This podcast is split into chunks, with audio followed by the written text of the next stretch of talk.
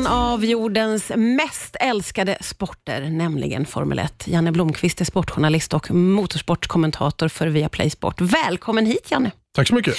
Det är en otroligt älskad sport. Den ses av över en miljard människor. Men för de som kanske inte då har fått upp ögonen för Formel 1, vad är grejen? Ja, vad är grejen? Frågar du mig då som har varit inne i den här nästan 30 år. Um, det är väl, eh, tror jag, att eh, det är en, det snabbaste som finns att köra i bilväg. Eh, I, i, den typen av racing som man gör. Eh, men, men det har också varit motsättningen. Alltså de som inte har varit intresserade av Formel 1 har ju tyckt att de bara kör runt, runt på söndagar och min röst har liksom sövit folk som har, som har varit bakis efter att de har varit ute och festat dagen innan. Du är som trygghet för dem. Ja, men lite så. Va? Och, och det är det som har varit grejen. Nu har ju folk börjat öppna ögonen för vad det faktiskt är. Många nya som har kommit in i sporten och det har ju att göra med att Formel 1 har varit smarta. De, de har skapat en, en serie som, som eh, Drive to Survive som, som verkligen har varit en insparkare för många. Och Då har de fått upp ögonen för vilka det är som är bakom hjälmen. Att det pågår saker in i depån som man aldrig får se annars. Man skapar sig en relation till sporten och helt plötsligt börjar man tycka det är kul att se vem det är som vinner också. Ja, det finns ju väldigt mycket att prata om här, men låt oss eh, ta avstamp i själva bilarna. Vad mm. kan man säga om dessa vrålåk Ja, vad kan man säga? Det är ju, bilarna är ju till att börja med byggda. Var, var och en av teamen måste bygga sin egen bil. Man måste äga rätten till de egna eh, alltså blueprint eller ritningarna till bilen. Så att varje team som är med måste rita och bygga sin egen bil. Det är nummer ett. Ja. Nummer två är ju att eh, det finns ju föreskrivna ett, ett, ett reglemente som de måste följa såklart. Och motorerna är av en viss typ som sedan 2014 då är, är mer åt, eh, åt det modernare. Så tillvida att de har hybrid, det vill säga delvis eldrift Aha. Eh, och sådana saker. Men de är väldigt hästkraftstarka. Bensinsnåla men hästkraftstarka. Eh, som en jämförelse när man åkte med, med, vanliga, vanliga motorer så att säga eh, och, och gjorde av med kanske 250 kilo bränsle på, på ett race mm. så gör man idag av med mindre än 100 kilo. Oj, ja, det är, så stor det är stor skillnad men det är samma effekt. Ja. Det vill säga man får lika mycket hästkrafter ifrån och det är ju det här som är det coola med Formel 1. Mm, mm. Den här branta teknikutvecklingen som pågår. I övrigt så är det en bil som, som påverkas väldigt mycket av luft. Det är ju aerodynamik. Det är ju ett omvänt flygplan kan man säga. Mm, ett ja. flygplan byggs ju för att lyfta. En Formel 1-bil byggs för att tryckas ner mot marken. Ja. Så, så kan man enkelt förklara det. Ja. Du, vad, eh, vad, är det här med eh, numreringen av bilarna och eh, att förarna själva får välja ett nummer? Mm. Vad handlar det om? Jo, för, förut så var det ju så att den som vann VM hade nummer ett. Det var alltid så. Och den andra bilen i samma team fick då följaktligen nummer två. Och det teamet som var tvåa bakom det här andra, de fick tre, fyra och så vidare. Va? Eh, nu bestämde man för ett antal år sedan att eh, man ville ha dedikerade nummer. Förarna som körde Formel 1 fick välja ett nummer som, som sen blev pensionerat ett antal år, ah, även okay. efter de har slutat. Då. Ah, ja, ja. Men sen ah. när man har varit borta då, då finns det numret tillgängligt igen. Så att eh, Lewis Hamilton till exempel, då, som, som vann VM då, en hiskelig massa gånger fram till och med 2020, 2020 han valde ju ändå att köra med sitt nummer 44. För att den som blir världsmästare kan ändå köra med nummer ett. Man får välja. Ja. Så att det är lite kul. Jag vet ju Marcus Eriksson, svenske Marcus, han åkte ju med, eh, med nummer 9. Det var hans favoritnummer när han tävlade i Formel 1. Ja. Vi ska prata vidare om Formel 1 alldeles strax här på Rix FM. Rix FM. Ja, det är Janne Blomqvist som gästar mig idag, sportjournalist från Viaplay Sport. Vi fokuserar på Formel 1. Och eh, Det här är ju världens dyraste sport. Vilka är det som ägnar sig åt den? Ja, vilka är utövarna? Ja, det är unga killar, eh, kanske någon tjej emellanåt som har börjat tidigt med go-kart till exempel, eller kört karting eh, förhoppningsvis, eller antagligen med en väldigt intresserad förälder bakom sig. Ja. Det brukar vara så. Eh, de får gärna vara eh, lite välbärgade, för det är dyrt. Ja. Det är dyrt redan från start.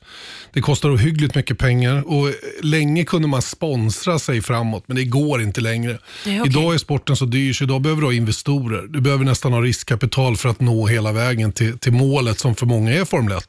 Oj, ja, ja, ja. Så, så stora slantar är det faktiskt ja. för, för förare nu för tiden. Tråkigt nog. Samtidigt börjar sporten att tjäna pengar igen. Så att killarna som kommer till Formel 1 ändå blir inhyrda och får en lön och kommer in och inte behöver ha med sig något eget kapital in i teamet. Okej. För så har det också varit en längre period. Fattar. nu börjar liksom sporten må bra igen och då kan teamen välja de bra talangerna som finns och så säger de det att det här erbjudandet har vi, kom och kör för oss. Ja, ja. Eh, Du var ju inne på det här lite grann, eh, vad som händer bakom så att säga. Det är ju olika stall som tävlar mot varandra. Hur, hur hård är konkurrensen? Stenhård skulle jag säga. Vi kallar det för the shark tank. Det är ju verkligen en, en eh, high tank. Eh, dels är ju förarna eh, väldigt konkurrensmässiga med varandra. De, de fightas ju med varandra med, med, med knivar så att säga. Va? På vilket sätt märker man det? Ja, men det, det är ju, jag som lever nära har ju sett det på nära håll och det kan ju vara inom ett team till och med. För den teamkamrat du har, i och med att bilarna är ju olika. Ingen har ju exakt lika utom just den som kör i samma team. Så vem vill du först och främst slå? Jo, det är den som åker med exakt samma grejer som du själv. Ja. Vilket betyder att den värsta fienden du har, det är din lagkompis. Hur påverkar det ett lag då? Ja, det kan man verkligen undra. Jag har ju funderat många gånger varför Formel 1 har det på det här viset. Varför man inte har en starkare lagkänsla så att säga. Ja. Det finns faktiskt inte. Utan det är ofta stenhård konkurrens redan inom teamet. Och det där bara bygger vidare sen. Och, eh, det, det är mycket politik, det, teamcheferna eh, lobbar för sina bilars eh, egenheter eller om det är någon, någon som klagar över att en bil ser ut så, ja då är det liksom, det är mycket sånt där surr under ytan. Men det låter ju som att det är mycket dramatik. Ja, men det är lite det som är grejen tror jag och det är det som för många i det här nyvunna intresset för sporten har, har varit grejen varför man fastnar för det. Ja. Att det finns karaktärer där, det är, det är liksom under ytan inte så polerat som det ser ut. Nej, nej. Eh, vi ska prata vidare mer om den här. Ju mer du pratar, desto mer spännande låter Formel 1 måste jag säga. Riks FM. Riks FM. Ja, det är Janne Blomqvist från Viaplay Sport som är här. Vi pratar om Formel 1 och eh, mina ögon har öppnats för att det här var då jädrar mycket mer än snabba bilar som kör. Vi pratade vidare under låten här om det faktum att det är sån otroligt hård konkurrens och att man knappt kan lita på sina lagkamrater för att man, man tävlar så hårt. Hur är det med eh, förtroendet i teamet? De man jobbar med, med bilen och, och de närmaste på så sätt? Det, det kan faktiskt variera det också. Jag tror inte någon kan gå runt och till 100% lita på allt och alla. Du måste vara vaksam på allt. Allt som händer. Du måste positionera dig. Du måste kanske vara på ett visst sätt mot personalen för att vara säker på att de verkligen backar upp dig när det väl behövs. Det, det Och så ju... här har det varit bakåt i tiden Ja, också. ja, ja, det är inget herregud. som är nytt nej, nej, nej, i sporten. nej. Det, det är sen ancient times och eh, det, det håller i sig. Jag menar, det är ett starkt minne jag har, det är från 2016. Lewis Hamilton och Nico Rosberg körde ihop. De var alltså två kompisar när de körde karting. Nico kom ju från en familj där Kekka, hans pappa, hade vunnit VM på 80-talet. Lewis kom från en helt annan bakgrund, men de körde karting ihop och blev Mm. väldigt bra kompisar, hängde mycket och tävlade mot varandra, men var bra polare. Mm. Sen när de kom upp i Formel 1 och körde mot varandra i samma team, det blev ju en sån fight de två emellan. Och så mycket fulspel som pågick under under bordet så att säga, de Ja. två emellan också, för att just göra det här. Och Nico lyckades till slut komma under skinnet på Lewis och vinna VM 2016. Men det hade tagit så mycket energi av honom så han slutade direkt efter. Han bara gav upp. Men För gud! att det är så fruktansvärt jobbigt att vara på sin vakt hela tiden och samtidigt köra bil så där snabbt som man måste.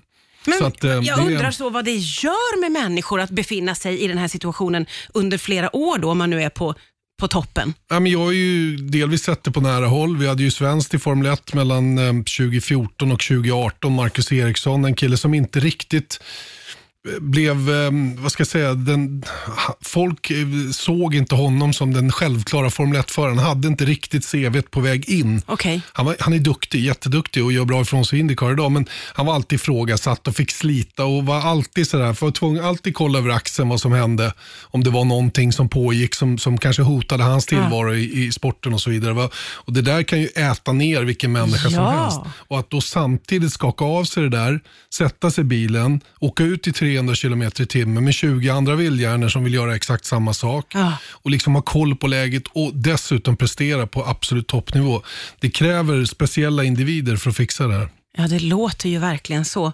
För alla som blir eh, nyfikna nu på denna sport, vad ska vi hålla ögonen på just nu? Just nu så ska ni hålla ögonen på kommande helg. Då ska vi eh, till ett land som det är lite omdiskuterat i huruvida Formel 1 ska köra i, nämligen i Saudiarabien av förklarliga skäl. Det är ju lite tveksamheter mm. runt mänskliga rättigheter och hela den grejen. Ja. Formel 1 har ändå bestämt sig för att köra där och man kör på ett ställe som heter Jeddah Cornish eh, Street Circuit som ligger i en Corniche. Det är ju som en eh, det är som en halvö ute i, nära vattnet. Okay. Och banan ligger väldigt häftigt till ja. och den är elljus. Eh, upplyst och eh, har en väldigt speciell eh, layout. Väldigt snabb stadsbana. Så där kör vi nu till helgen och eh, på lördag är det kval och på söndag är det race. Innan dess är det träningar men då kanske man behöver vara ännu lite mer hardcore fans för att följa träningarna. Men kvalet och racet tycker jag man ska se och eh, jag tror att det kan bli en grym fight. Det var riktigt bra där förra året och eh, det, det, ja, den har små egenheter banan som gör att det här kan bli otroligt spännande. Även om Red Bull var väldigt, väldigt överlägsna den första deltävlingen. Det här kan ses på Viaplay Sport. Janne Blomqvist, tusen tack för att du kom hit idag. Ingen orsak.